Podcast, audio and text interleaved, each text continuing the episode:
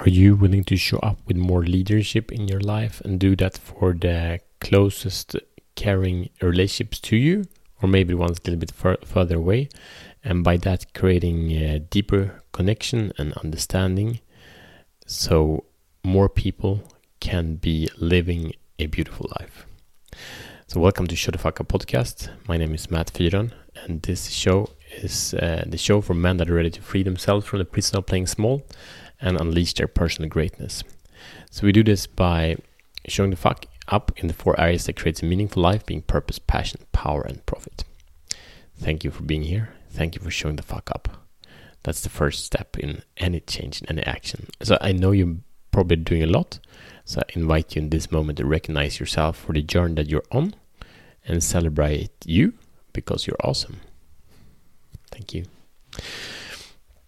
So, in my conversations, coaching conversations, and interviews with men, um, very common response is wow it was so good that you could listen. You could ask me question. You could listen. Obviously I'm, I'm, a pro asking questions and listening but still I'm, I'm struck by sometimes when i'm really not on my edge how powerful it is and what transformational impact it has on the people I'm talking to. And I bet it's the same for you. For me, it's the same. I talk to people that definitely not pros in that, and it means so, so, so, so much. So the questions are two today. One is who who are, lis- are listening to you, who listens to you, and who are you listening to? And what I find with both these questions is that most men they are willing to listen but then they're not willing to be listened to because that takes a lot of vulnerability. So there's a lot of fear fear there.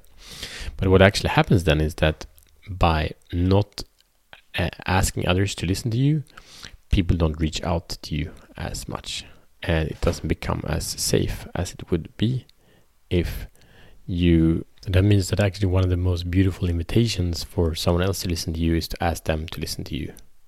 Ask them to listen to you and they will listen and you will be able to listen to them. Um, that's such beautiful generosity. And i bet there are a lot of people around you that would love to share their heart share their minds and be reflected and just feel seen and heard. And the, the, the tricky part with this is we need to be very as men we need to be very aware of if we are invited to solve a problem or if we are involved in, invited to just listen and um, recognize that someone is heard. So, so, often, what I experience, there's so much that needs to be said, and many people are actually not ready to really solve things or get suggestions. It's more about being heard, and and then in coaching, of course, we can transform that by their own power uh, and insight. So, who can you reach out to? Someone that you really is like I can you can really help me or someone that really feel that they would probably need my help. But how can you invite and actually inviting them to the role of leader? Like actually, can you help me? It's uh, so beautiful. I've been practicing that a lot this year of inviting men that you know might not be as qualified or whatever in certain areas, but really asking them for help and invite them to mirror their strength for what it is. That is such a beautiful thing. Because they grow, like men grow beautifully when we are assigned a role of leadership or accountability or trust, men grow tremendously.